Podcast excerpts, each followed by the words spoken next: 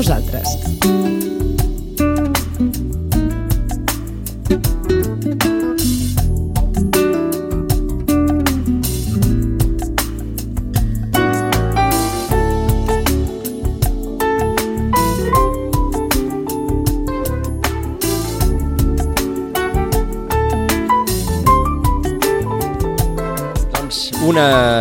Edició de, de l'Hora d'Europa, 6 de febrer de 2017, amb la col·laboració d'Eurolocal. Joaquim Millán, bon dia. Molt bon dia. Uh, avui no parlem tant d'Europa, els diaris parlen d'altra cosa, oi? Però uh, Europa continua, continua al rerefons. Ara ens comentava una cosa, només d'entrar, uh, en Joaquim, que, que a més a més ha cridat molt l'atenció. Va haver una cimera europea la setmana passada. Sí, exacte. I per això dic, A Malta, que... oi? A Malta, a Malta. I per això jo deia, home, és interessant estan passant moltes coses, evidentment, avui les portades parlen del que parlen, evidentment ahir va haver-hi un, un dia important, però jo penso que també és important posar sobre la taula altres coses que ens passen menys desapercebudes, com per exemple a la, a la Cibera Malta, i no ho dic pels titulars d'avui, sinó perquè la setmana passada tampoc se'n va parlar massa. I em dóna la impressió que les últimes cimeres europees que s'han fet els últims darrers dos anys, per exemple, doncs eh, mediàticament no s'ha donat la importància que abans es donaven, no? abans s'explicava molt més i per tant aquesta, aquesta també aquesta feina d'informar la ciutadania sobre les grans decisions que s'estan prenent a nivell europeu cada sis mesos en una d'aquestes cimeres doncs no s'està fent darrerament, ni tan sols els mitjans de comunicació, però evidentment doncs, doncs, bueno, Rajoy va estar allà i dubto que doni massa explicacions al Congrés de Diputats perquè tampoc hi ha la tradició aquí de que això passi. Per tant, bueno, s'hauran pres decisions importants que se'ns afectaran directament a nosaltres, això ho tenim clar, dintre d'un temps, no sabem si dintre d'un any o dos, depèn de les decisions que s'hagin pres, però no, no sabem, no sabem què s'ha pres, ni què s'ha dit, ni què s'ha decidit. I per tant jo penso que és important també això anar-ho explicant, no? perquè és fer pedagogia europea amb temes que ens afecten directament. Vols dir que és intencionat això de no donar explicacions sobre el que s'està parlant a les cimeres? A mi em dóna la sensació que intencionadament hi ha un baix perfil d'informació del que està passant els darrers anys a les cimeres europees. Mm, a mi em dóna aquesta impressió perquè abans eh, teníem molta més explicació, eh, inclús ho, ho veiem, quantes, quants periodistes especialitzats, etc de la premsa i dels mitjans de comunicació espanyols van estar allà i veus com cada vegada hi ha molts menys no? bueno, tires de teletipo, bueno, quatre titulars tres fotos, surt a lo de la premsa eh, o els mitjans de comunicació televisius, doncs bueno, que van estar allà amb aquell vaixell, eh, entrant i sortint i dona la sensació que hagi estat més folclòric que realment polític aquesta cimera i a mi això a mi em molesta molt perquè la gent ha de saber que a nivell europeu aquestes cimeres es prenen les grans decisions.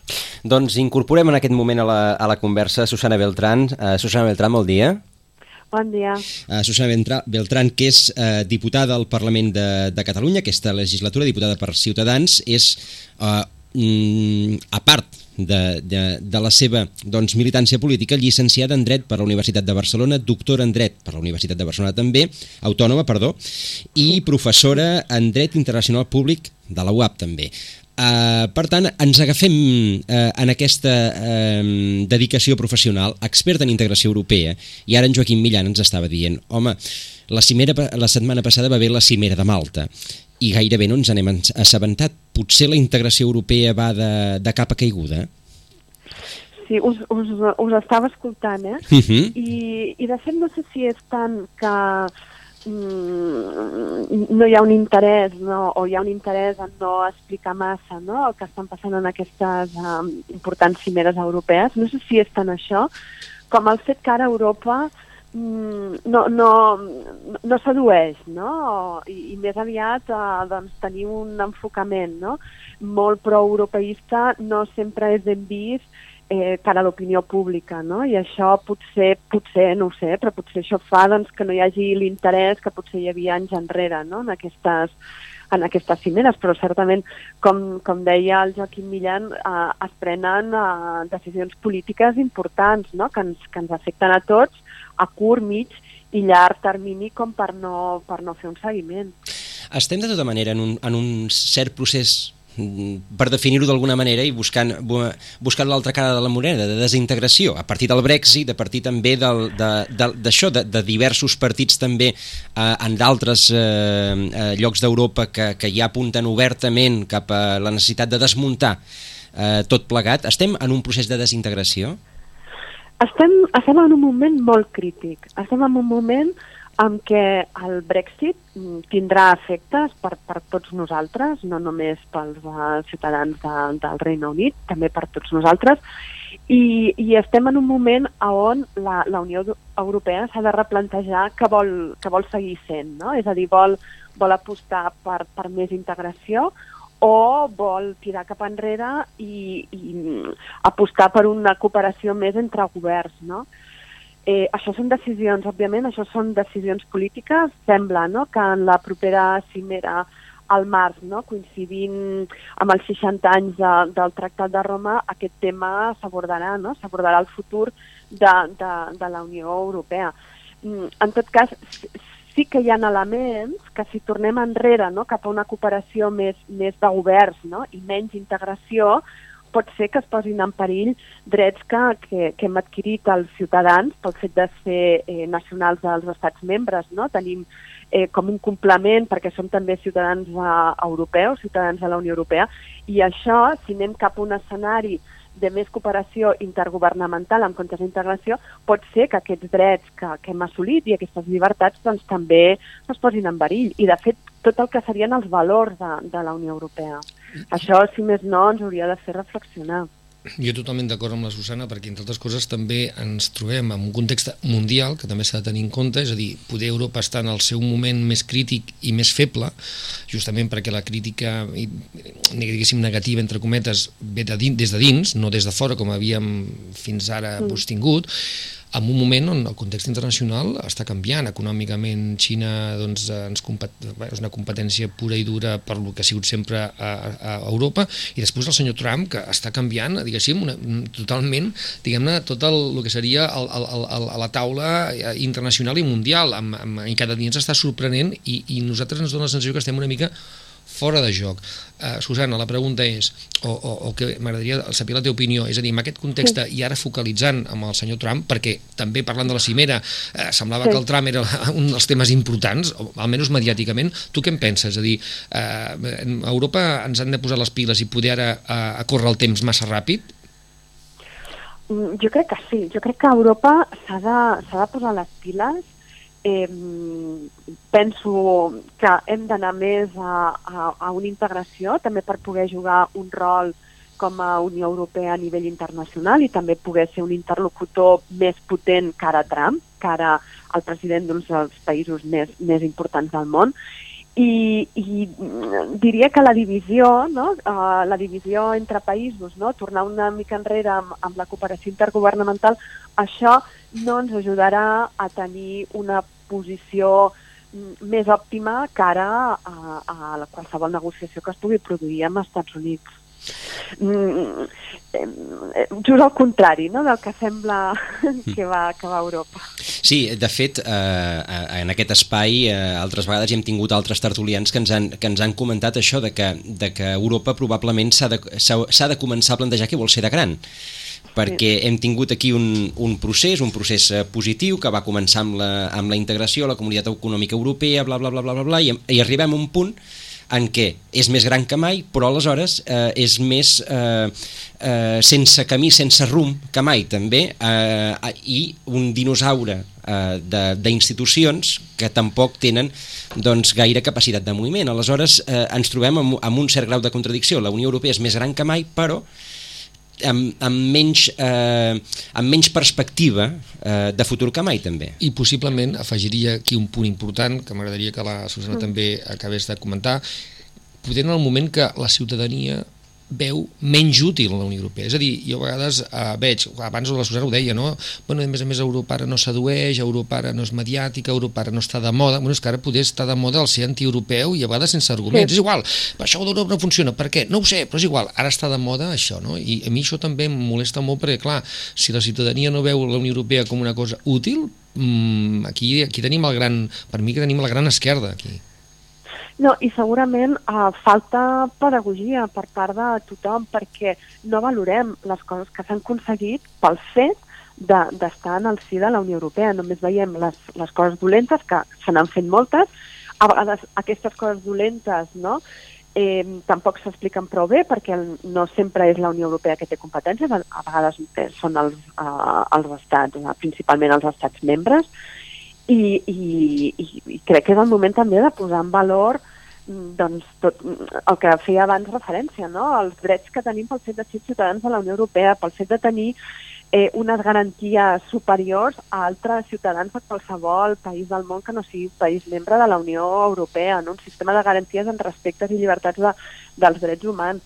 Eh, és una oportunitat per, per, per mirar, per exemple, cara als refugiats, no? per, per creure'ns que això de la integració també és una cooperació molt més uh, ferma, que ara no hi és, entre els diferents països membres, no? i és una exigència, hauria de ser una exigència de, de qualsevol ciutadà de la Unió Europea doncs exigir als, uh, als països que, que es posin les piles amb, amb aquest tema i treballin conjuntament. És que hi ha problemes que difícilment òbviament és opinable, però crec que hi ha problemes que difícilment són solucionables només a, des de la perspectiva o des de la capacitat de decisió d'un país, com és el tema de, dels refugiats o, o de la migració. No? Això requereix polítiques comunes i requereix voluntat política comuna. Tot... I això, en aquests moments, no hi és. Sí, és cert que una part de, de la ciutadania diu doncs, uh, efectivament, Europa no serveix per res, eh, i a més a més ho està fent molt malament. Això, això és una opció, però hi ha una altra opció que pot dir, no, doncs s'ha d'exigir, no? S'ha d'exigir als diferents països que, que treballin conjuntament, és una exigència del procés d'integració europea eh, i determinats eh, problemes, si no ho fem conjuntament, no, no s'arribaran a solucions. En, quals, en qualsevol cas, la, les competències sobre l'acolliment de refugiats són competències estatals, no, no europees, i per tant al final acaba decidint cada, cada estat allò, allò que vol fer i de fet ja eh, el, bé, els populismes eh, arreu d'Europa estan utilitzant l'espantall del refugiat precisament doncs, com, una, com una crítica sobre la inacció europea o sobre la impossibilitat de que Europa doncs, eh, permeti eh, agafar un camí que sigui, que sigui el correcte. Sí, però també és cert que si una de les coses no, que, que suposa el procés d'integració europea també és eh, la capacitat d'aprendre a treballar eh, respectant les competències que té cadascú, no? competències que tenen els estats membres, competències que té la Unió eh, en exclusiva, compartides, eh, etc. No? I, i, I és evident que qui té la competència no? pels temes d'acollida són els estats membres, però les, les grans decisions polítiques, i en, i en aquest cas la comissió eh, que representa o que vella per l'interès general de tots, eh, aquestes grans línies de, de uh, polítiques no, entorn als refugiats doncs s'haurien de tenir en compte um, per part dels estats membres. Uh. -huh. eh, co cosa, cosa que no s'està fent. D'aquí a quatre dies hi haurà eleccions a França, d'aquí a vuit dies hi haurà eleccions a Alemanya, vuit dies metafòrics, oi?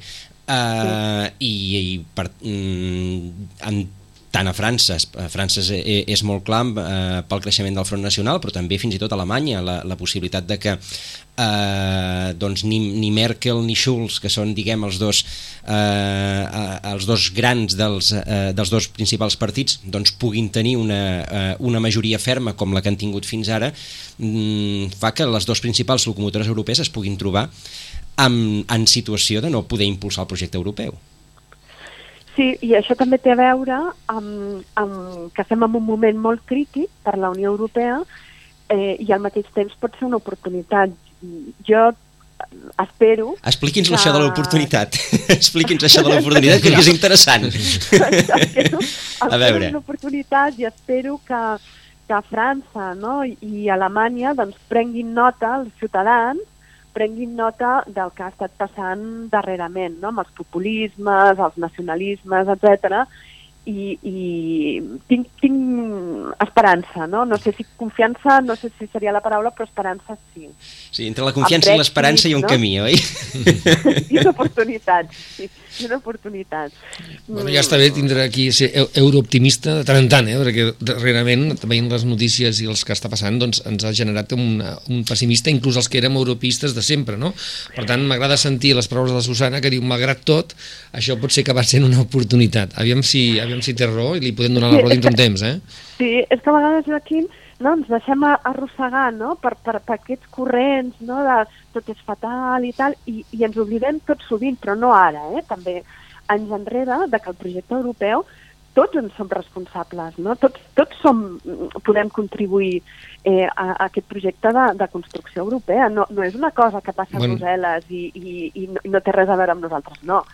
La Unió Europea serà el que voldrem tots plegats. Aquest és no? el per punt, tant, eh? Que... mm, hi ha una oportunitat.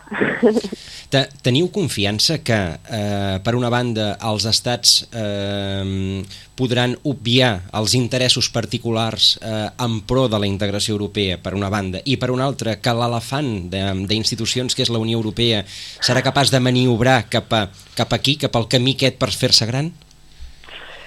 No ho sé. No, no ho sé. Demanem no massa, sé. eh? Demanem massa. Demanem massa. Uh, és evident que, que els estats, doncs, uh, els representants dels estats uh, tenen molt en compte no? el, doncs la, la, la, els interessos uh, estatals, no?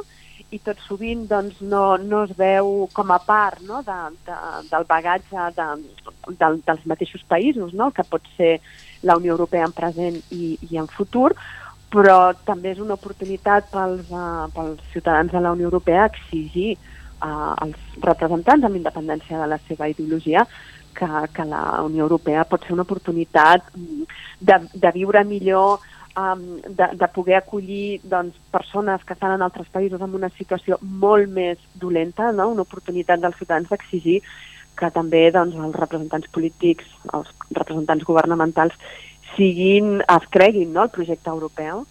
Mm, però és evident que, que la Unió Europea està en crisi eh, des de fa molts anys, no és ara, des de fa molts anys es diu que no fa prou pedagogia a l'hora d'explicar no? doncs, per què serveixen les institucions de la Unió Europea, què és el que està fent la Unió Europea per, pels ciutadans, I, i, la Home, manca, i la serveixen- manca de lideratges, i la Ser- manca de lideratges europeus... que Serveixen per que- anul·lar les clàusules sol, per exemple.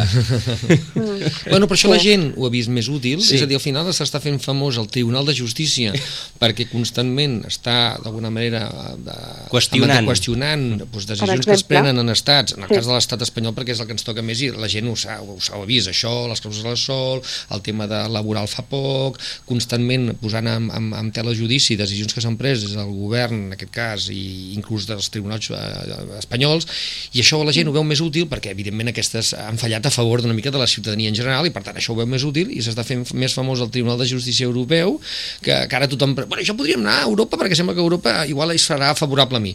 Que, que poder les manques i les ratxes de polítics que, mm, com deia la Susana molt bé, no s'estan, els últims anys no s'han cregut el tema europeu. Han utilitzat No. l'espai europeu per interessos particulars, inclús a vegades electorals a curt termini. I això ha sigut, per mi, el gran drama. Sí, i, i em preocupa que tinguem una visió molt a, a curt termini, no? I no tinguem una visió més a mig, llarg, llarg termini del que pot arribar a ser la Unió Europea i si realment volem eh, tenir un paper no? a, a, nivell, a nivell internacional mm, doncs hem, hem, hem d'aprendre no? a treballar plegats en el si de la Unió Europea i tenir una veu Uh -huh. Una veu i que, i que la gent també senti que aquesta veu representa a tota la ciutadania, no? que, que, que això tampoc en aquests moments s'està donant. És difícil. Però Euro si- Eu- Europa ha estat una certa excusa per tot plegat, per tots, per uns i per als Sí. altres, per tothom. Sí, sí, però, però en canvi s'han anat fent coses, no? S'han anat Mhm. fent coses positives pels, pels ciutadans, no? Mm, Ara les, les, les llibertats, no? La llibertat de circulació, la llibertat... Eh, mm, tot el que hem aconseguit amb el mercat, eh, o el que estem aconseguint amb el mercat únic digital, no? Amb, amb l'abolició del roaming. Coses que, que pels ciutadans eh, mm, tenen un efecte mm, directe, no? I, Mhm. I en canvi això no, no, no s'està explicant prou, prou bé. I, i, si, i si- ara, eh, quan parlava abans de l'oportunitat, ara tindrem una oportunitat, perquè ara, en els propers anys, no, que s'haurà de negociar el Brexit, doncs també eh, tots plegats tindrem l'oportunitat de veure les conseqüències de sortir de la, de la Unió Europea, no? El, a, a les universitats del Regne Unit, mm, moltes d'elles estan molt preocupades perquè tot el que és la recerca, no? la recerca del nivell, que tot sovint necessites doncs, ajudes no? um, europees importants doncs, per finançar aquests grans projectes, tot això es perdrà. Uh -huh. Doncs... Eh, Vull dir que també està bé que mirem, mirem no, els veïns, no? mirem, mirem el Regne Unit mm, per veure tot el que pot suposar no estar dintre de, de la Unió Europea. Catalunya es podria trobar en la, en la situació de no haver d'estar dintre de la Unió Europea? Jo espero que no. jo Eh? espero que no. Doncs- Jo penso que, que uh, els catalans són molt europeistes uh, i amb independència de, de la nostra posició política i jo crec que tots plegats no, no permetrem que això passi. Doncs, eh, Susana Beltrán, moltíssimes gràcies per haver-nos eh, atès, per haver participat i per haver reflexionat al voltant doncs, d'aquesta Unió Europea, diguem, eh, malalta, oi? En crisi heu, heu definit, no, no, no heu dit En malalta, heu dit en crisi. crisi. En crisi, en O, crisi. o, o que l'hem de sí. cuidar tots, Però- poder, ara és el moment de que la siguem conscients que necessita cu- cuidar-la, que fins ara ens ha cuidat a nosaltres i ara ens toca poder cuidar-la una mica a nosaltres, no? Sí, i que, i que siguem conscients que som part de la Unió Europea, és a dir, que uh, és el metge que ens diu a nosaltres, no? Doncs fes esport, vigila la dieta, no? No, no és que ho ha de fer el veí, no? Ho has de fer tu. Això és la Unió Europea. Doncs, eh, Susana Beltrán, repeteixo, moltíssimes gràcies per aquests, eh, per aquests minuts i, doncs, eh, moltes gràcies per haver-nos per haver atès.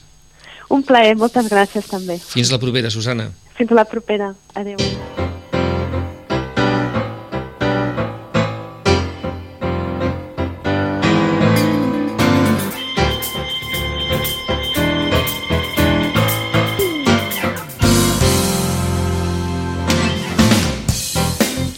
Doncs eh, oh, 10 i 39 minuts eh, aquesta, doncs reflexions sobre mm, sobre un tema que és, eh, que és recurrent en tots els nostres eh, espais de l'hora d'Europa i és aquesta, aquesta Europa que ben bé no sap on ha d'anar Mm -hmm.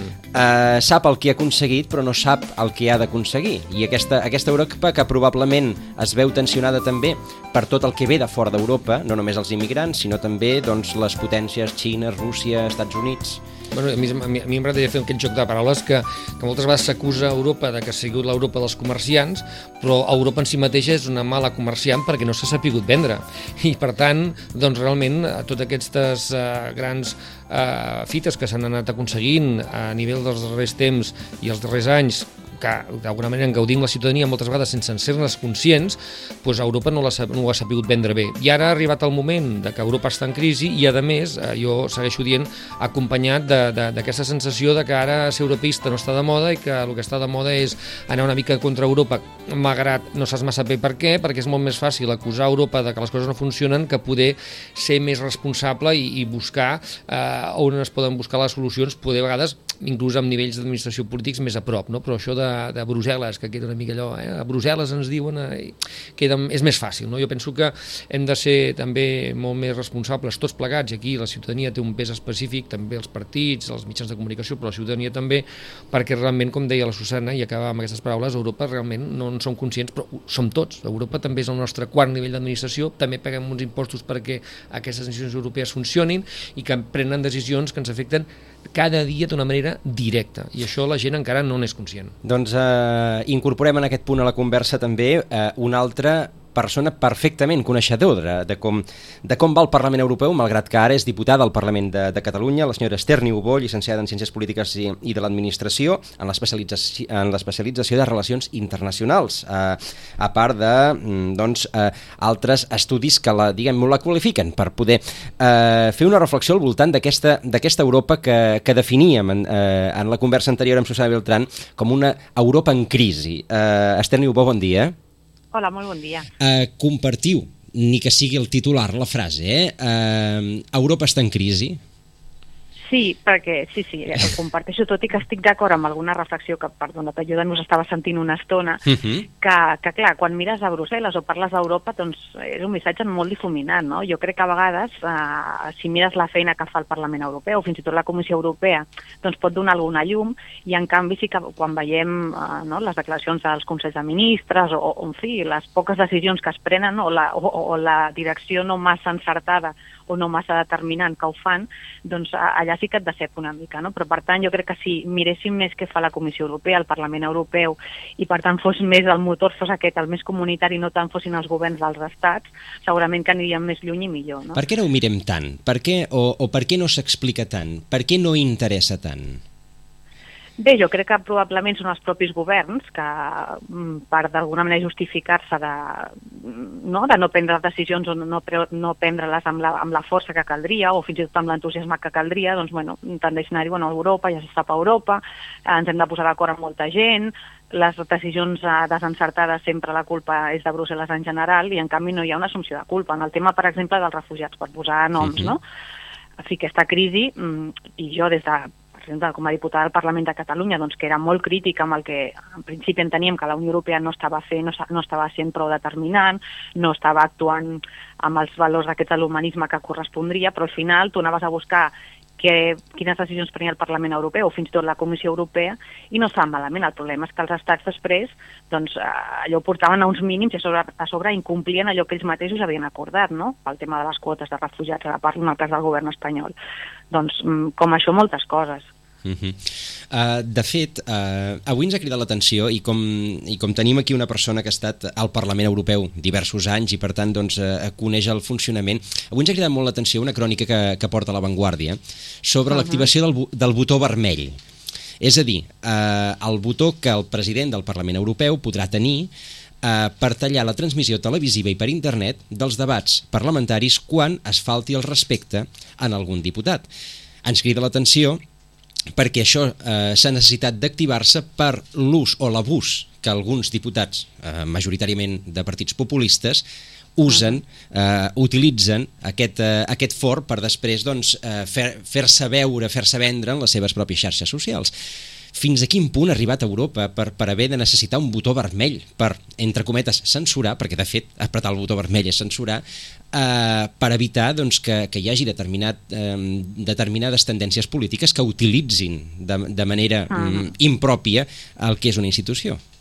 Sí, sí, no, aviam, aquí podríem estar d'acord o no en el tema de la censura, això del botó vermell. Ara uh -huh. sí que és veritat que hi ha moltes forces, molts partits que ara estan bueno, que, que han tingut molta força en les eleccions europees, que estan precisament al Parlament Europeu per carregar-se el que és la pròpia institució, no només el Parlament, sinó el conjunt, diem, de les institucions comunitàries.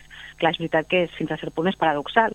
Per això. També és cert que tenen molt, molt suport, o en alguns països han tingut molt suport, sense anar més lluny a França, Le Pen va guanyar ja les eleccions europees, és a dir, no només tenim aquesta por que les properes eleccions franceses Marine Le Pen pugui, pogués en un moment donat doncs, convertir-se en presidenta, sinó que ja en aquell moment va guanyar aquestes eleccions. Per tant, eh, és veritat, és a dir, això és un, és un debat de fons.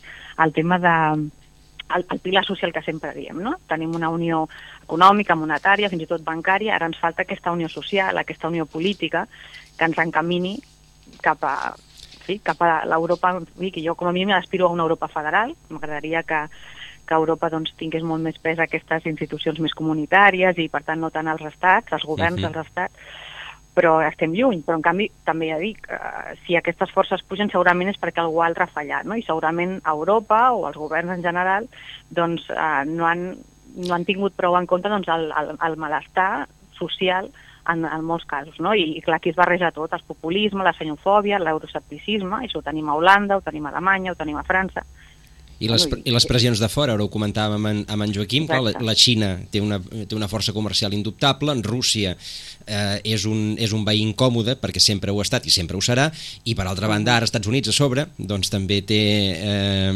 doncs un president que per definir-lo suaument podríem dir-lo com a peculiar. Aleshores, tot plegat fa, mm, ho, ho posa més difícil eh, a l'hora de que la, la vella Europa que deia Dick Cheney en el seu dia doncs eh, pugui tenir capacitat de, de, de reacció davant de tot plegat. Clar, és a dir, l'Europa poder que es trobem amb, amb el moment més feble del que seria l'ànima del projecte, eh, perquè uh -huh, vull dir, eh, sí. això l'Esther ho ha dit moltes vegades, l'ànima del projecte eh, està en la situació més feble amb un context mundial que poder, vegada, que poder és molt més complexa i poder en aquests moments inclús m'atreviria a dir més envers aquesta ànima europea, no? I aquest és el gran sí, problema sí. que tenim. Exactament, no, no comparteixo aquesta reflexió que feia el Joaquim Millan perquè, clar, aquesta elecció de, de Donald Trump a part del que ara podíem parlar i qüestionar, però jo el que espero sobretot que faci reaccionar la Unió Europea, perquè és veritat que en els últims anys hi havia, la sensació és d'una certa inacció. O sigui, bueno, no cal pedalar molt de pressa, podem anar parant, però és que una bicicleta, si no pedales, caus, i fins i tot hi ha el risc, diguem, de, el tema de la integració o desintegració. Jo crec que hi ha el risc evident de desintegració, i de fet ho hem vist amb el Brexit, no? Però, per tant, jo crec que convé molt més que els, els, mini, els primers ministres europeus doncs, es prenguin la Unió Europea per, fi, en sèrio i que vegin que ja no va ser només un tema que amb el moment de crisi econòmica doncs, van haver de reforçar uns mecanismes de cooperació econòmica, monetària i tal. No, no, és que aspirem a més i tant de bo algun dia doncs, hi hagués un salari mínim europeu, una prestació d'atur europea o que s'harmonitzessin les condicions no diguem els preus que ens, tots ens costa més car, sinó al revés, que poguéssim aspirar al percentatge d'inversió que fan educació, no sé, Finlàndia, per dir alguna cosa, no? Uh -huh. I aquesta és l'Europa amb ànima que, que referia el Joaquim Millan, que jo almenys eh, vull entendre, sí, sí, que penso que val la pena lluitar cap aquí.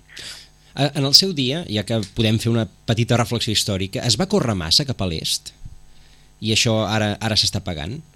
Bé, és un debat, eh, podem parlar-ne i, i, i alguns segurament et diran, mira, com que no vam integrar prou bé i vam eixamplar abans d'integrar millor, no? Uh mhm. -huh. Sí, però jo crec que en el fons no té tant a veure amb l'ampliació, que probablement alguna cosa, jo crec que té més a veure amb la reacció que es va tenir, a la, o la falta de reacció, la falta de previsió d'aquesta crisi econòmica amb les conseqüències socials greus que ha tingut i que, i que perviuen, no? perquè en el tema de desigualtat jo crec que encara no n'hem sortit prou bé. O, I segurament... No, digui, digui. No, no, ho, ho plantejava, senyora Iubó, en, a, en el sentit que eh, l'any la, passat ja es parlava de la, de la política de refugiats a Hongria del senyor Olban eh, uh -huh. es parla de, de, de Polònia i de, i de com doncs, el senyor Kaczynski també en el seu dia eh, doncs, uh -huh. fa una, una determinada sèrie de, de normatives. Ara a Romania doncs, la gent al carrer perquè un govern socialdemòcrata vol eh, eh, ex, exonerar els, els corruptes. Clar, arriba un punt que, que dius, home, la, la cultura política probablement eh, és molt diferent de, de mitja Europa cap aquí de mitja Europa cap allà. Sí, és cert, i, i, i de fet, mm, és això, si volem avançar cap a una major integració també hauríem de veure de quina manera, no? i per això es parla de cooperacions reforçades, perquè, és clar, si hem d'esperar que tots els països es posin d'acord en unes determinades coses, vull dir, no, no hi arribarem mai. I per tant jo, que d'entrada doncs, defenso el federalisme europeu i ja m'agradaria que, no, que es, es presentin decisions per majoria i per tant no hagués d'esperar la unanimitat i, i que s'avancés molt més, però també sóc conscient que en l'actual estat de coses doncs, ja m'agradarà que hi hagi una locomotora o uns quants països que facin de motor i que puguin anar avançant, perquè n'hi ha molts d'altres que, que estan quedant enrere. Però jo crec que al marge d'això sí que convindria que dins del propi projecte europeu hi haguessin mm, expressions o, o polítiques que fossin impensables. I aquestes que vostè ara comentava doncs són coses que una vegada més es demostra que pels temes que en consideren estatals o nacionals doncs no s'hi posen, però clar, aquí estem parlant de valors i estem parlant de coses molt importants i que tenen a veure amb, amb, amb aquesta imatge de l'Europa dels valors, dels valors fundacionals, de que no es poden deixar de enrere. Exacte, l'ànima, l'essència, sí, sí. Aleshores, clar, és que la gent tampoc recorda massa bé, eh, i això en, ens sap greu als europeistes tenir-ho que anar recordant constantment, per què? Vull dir, per, com neix el, el projecte europeu i com hem arribat fins aquí? La gent, poder, les noves generacions, però també diria les que les anteriors, sembla que com que ja han assegurat que allò no tornarà mai més i que, bueno, que ja és passat, doncs, bueno, podem una mica jugar amb els tempos aquests més electorals, més de negociació, i clar, jo penso que Europa, com deia molt bé l'Ester, eh, nosaltres som Europa, vull dir, no podem anar cada vegada a, a pensant que anem a cimeres de negociació, eh, sinó que anem a cimeres, home, es negocien coses coses, sí, però des d'un ànima de dir pertanyem tots al mateix projecte i sembla a vegades que aquestes cimeres eh, tothom va bueno, amb la seva cartera aviam que, com un comercial aviam què trec d'aquí, no? I aquesta és una mica la imatge que us hauria de trencar perquè els ciutadans al final perceben això, no? Una mica anem a Brussel·les, els, eh, els polítics van a Brussel·les van una mica a negociar aviam eh, què en treuen, no? I aquesta és una mica, eh, aquest estadi ja hauria d'haver passat eh, i ens trobem encara amb aquest estadi, no? I a mi això també em preocupa perquè, com ho bé deia l'Ester abans, eh, clar, la ciutadania eh, ha de ser la primera implicada i possiblement ens trobem també en un moment on la ciutadania eh, no, no només no se sent implicada, sinó que això d'Europa ara ni tan sols està de moda, no, no, no, no, no, no s'adueix uh -huh. en absolut. I aquest és un, un problema també greu que hi ha. Uh -huh. No, Esther, sí, sí. tu com ho veus? Això? Sí, sí, no, no, igual, i a més a més aquesta Europa d'estats, no? Jo m'agrada molt més pensar en l'Europa de la ciutadania, que en el fons vol dir una Europa on el Parlament Europeu té més veu, i fins i tot la Comissió. Clar, aquesta Europa dels estats on, com tu deies, la gent va defensar la seva cartera, no? els seus interessos estatals, el seu fi, és una Europa doncs, que queda bastant lluny del que serien els anells de, del que és la ciutadania, que és l'Europa de veritat. No? Eh. Jo crec que val la pena animar la gent a que segueixi creient en Europa i sobretot a lluitant per, i de, per defensar l'Europa que vol i això doncs es fa, bueno, és fent Europa, no? i per tant fer pedagogia, això és el primer, és veritat també, abans buscava informació sobre aquesta cimera d'aquest cap de setmana i transcendeix poquíssima cosa, res a veure amb ho, ho el comentàvem, que... Ho comentàvem al principi de l'hora, Esther, ho comentàvem al Sí, principi sí, de no, l'hora. no, és que us he sentit i pensava, més que m'ha passat exactament això. Vull dir que, que és veritat, però per això com bé convé, i aquí ja si es pot autocrítica, doncs també m'hi poso, no? doncs a, a, els partits o els, la gent que ens dediquem a la política també segurament hem de fer arribar el missatge europeu, el nostre missatge més enllà, no? perquè finalment doncs, a les eleccions europees tots eh, fem molta feina d'explicar-nos, però probablement en l'ínterim doncs, ens falta intentar acostar molt més les decisions a la ciutadania, a l'opinió pública, i, i això és responsabilitat de tots. Uh -huh. uh, M'ho assenyala en Joaquim Millán i de fet ara, ara ho anàvem a, a comentar. Ha mort Josep Verde Aldea, sí. exdiputat, exvicepresident del Parlament Europeu i expresi, eh, expresident també del Consell Català del Moviment Europeu. Sí, el coneixíeu, mm, doncs us demanaríem Sí, en aquest sí. punt un, un, un, un cert perfil. No, justament perquè parlàvem d'aquesta ànima i m'ha recordat, dic, bueno, una ànima que, bueno, també en aquella època fa 20 anys, eh, era una ànima que tothom en parlava, inclús els diputats del Parlament Europeu, com el, el Josep Pérez Aldea, doncs, eh, bueno, ho defensaven. i Era- una era cosa... una altra Europa, aquella, sí, eh, Joaquim? i s'ho creien i, i, i, i, i transmitien a la ciutadania. Veja, jo vaig, jo vaig ser europeista justament per gent com el, en Verde Aldea, no?, que em van transmetre aquests valors i vaig pensar, ostres, això m'interessa, no? I, Sí, i, sí. i aquí estic, no? Vull dir que... Clar, Josep Verde, jo, jo també vaig tenir la, la sort de conèixer en els últims anys, però una persona, doncs, a part de bueno, socialdemòcrata convençut, catalanista, europeista, però a més a més un pragmàtic de, de la cosa, un pedagog, i, i jo crec que, clar, la, el pas pel, pel Parlament Europeu, tant com a eurodiputat, després va ser també vicepresident, a part de membre del Consell d'Europa i, evidentment, del Consell Català del Moviment Europeu, jo crec que tot això doncs, va anar marcant d'ell les persones que coneixen una trajectòria d'un home doncs, discret, però molt treballador, convençut dels seus ideals i, i, i ens convenen gent així, no? perquè al final tothom fa Europa i persones com el Josep Verde no només van ser molt importants pel que és el, el PSC avui, sinó que a més a més jo crec que va deixar un, un llegat important a- al que és la institució comunitària com és el Parlament Europeu. Jo me'n recordo quan estava... Bueno, jo vaig, ser, ser, vaig estar secretari general del Consell Català Europeu, per tant, ser el seu secretari general durant els anys que ell va presidir el Consell Català Europeu i, i me'n recordo de converses i bueno, jo la- l'admirava perquè tenia aquest punt, com deia molt bé l'Ester, de pragmatisme, però sempre amb ganes de tirar endavant, no? I me'n recordo una cosa que va ser curiosa perquè va ser el que en el Consell Català del Europeu eh, va, va començar a pensar, bueno, per arribar a la gent eh, anem a buscar un, un soci, i aquest soci van ser els municipis. El Consell Català Europeu va, treballar, va començar a treballar amb municipis directament per, per, per arribar a la ciutadania, perquè ell va pensar, per arribar a la ciutadania busquem un soci proper i vam buscar els municipis. Va ser una gran idea que, de fet, doncs, mira, a partir d'aleshores molts municipis vull dir, han integrat el tema europeu com una cosa també important dins dels seus cartipassos, de la seva estratègia internacional, europeista, etc. No? Tot i que en aquella època m'imagino que Europa es venia més fàcil que ara, no? Segurament, segurament, Segurament. segurament. Eh, I poder aquí jo també... crec que mai mira, s'havia venut tan malament com ara. Sí, sí, sí, sí, sí, sí, i segurament aquí també algun, eh, jo també puc agafar la meva culpa, no? perquè penses, bueno, no, no, he vengut molt a Europa però no hem acabat, eh? El, el de vent bufava a favor aleshores i per tant... També és doncs... veritat, era més fàcil, era més sexy, com deia la nostra amiga Carme Colomina, però jo me'n recordo que vaig conèixer a, a, a l'Ester, i això ho podem explicar perquè no és secret sí. d'estat, ens vam conèixer amb un projecte també molt interessant en aquella època, que era la Constitució Europea. Ostres, Exacte. Eh, aquella sí, Constitució que ja no hi és. bueno, que va ser, es va, al final va ser, un, va ser un altre tractat, eh, que és el tractat que tenim en aquests moments, que és el tractat de Lisboa, però aquell era, aquell va ser també un moment clau no? de, de, de, de com implicar els ciutadans en Europa a través d'una eina eh, que li donàvem el nom de Constitució Europea perquè la gent no ho entengués i, uh -huh. i vam estar treballant plegats amb molta gent de molts àmbits diferents I tant, i allò i va tant. ser molt maco, eh? vull dir, realment ara ho Sí, recordo sí. amb, eh? te'n recordes Esther, aquelles reunions que Sí, sí, fèiem sí. i tal de voluntari No, i... i de voluntariat, perquè la gent ho feien voluntàriament, en reunions, Sí. realment creien en Europa, no? Sí, sí. No, i encara a, buscar moviments o, o projectes il·lusionants a Europa costa. Jo per això doncs, vull pensar molt, hi ha una, no sé si sabia, una marxa a Roma federalista que per commemorar doncs, els 60 anys de, del que va ser el Tractat de Roma d'aquí pocs dies, i jo crec que això doncs, sí que val la pena com a mínim fer-ne difusió i, i nosaltres com a PSC segurament hi participarem de manera activa. Eh? Vull dir que això també animo a que se sàpiga perquè és una, serà una marxa, jo crec, important del federalisme europeu. De tota manera, eh, ens queda aquesta reflexió sobre la necessitat que té Europa de, de generar un cert optimista, eh, un cert optimisme sobre si mateixa en els ciutadans, si no, Sí. no, hi ha, no hi ha futur. Sí, sí, però jo crec que per això cal explicar aquella Europa que aspirem, i és una Europa doncs, molt més social, molt més política, i que també la ciutadania hi tingui més a dir i que treballi molt més per la ciutadania i més a prop, i això vol dir, com deia el Quim Millan, doncs, també en contacte amb els municipis i al final les administracions que tenim més a la vora.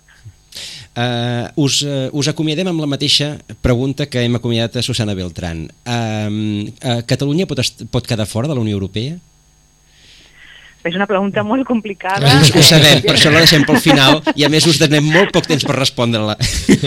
Sí, no.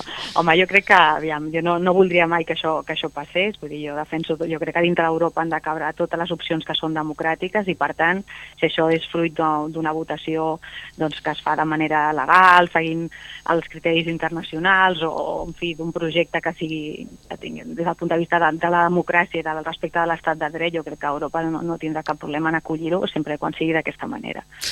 Doncs, eh, Esther Niubó, gràcies per la concreció de la resposta a una pregunta difícil, oi?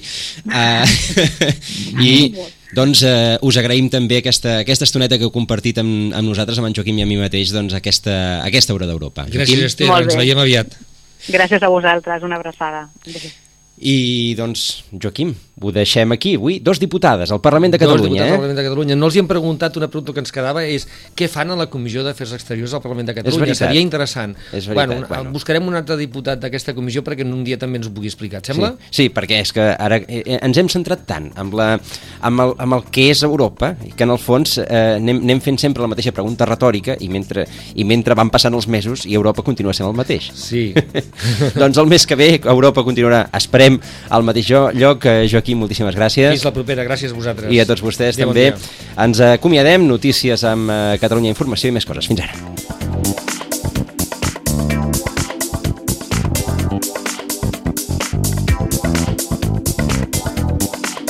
A Ràdio Maricel, cada dia, al matí amb nosaltres.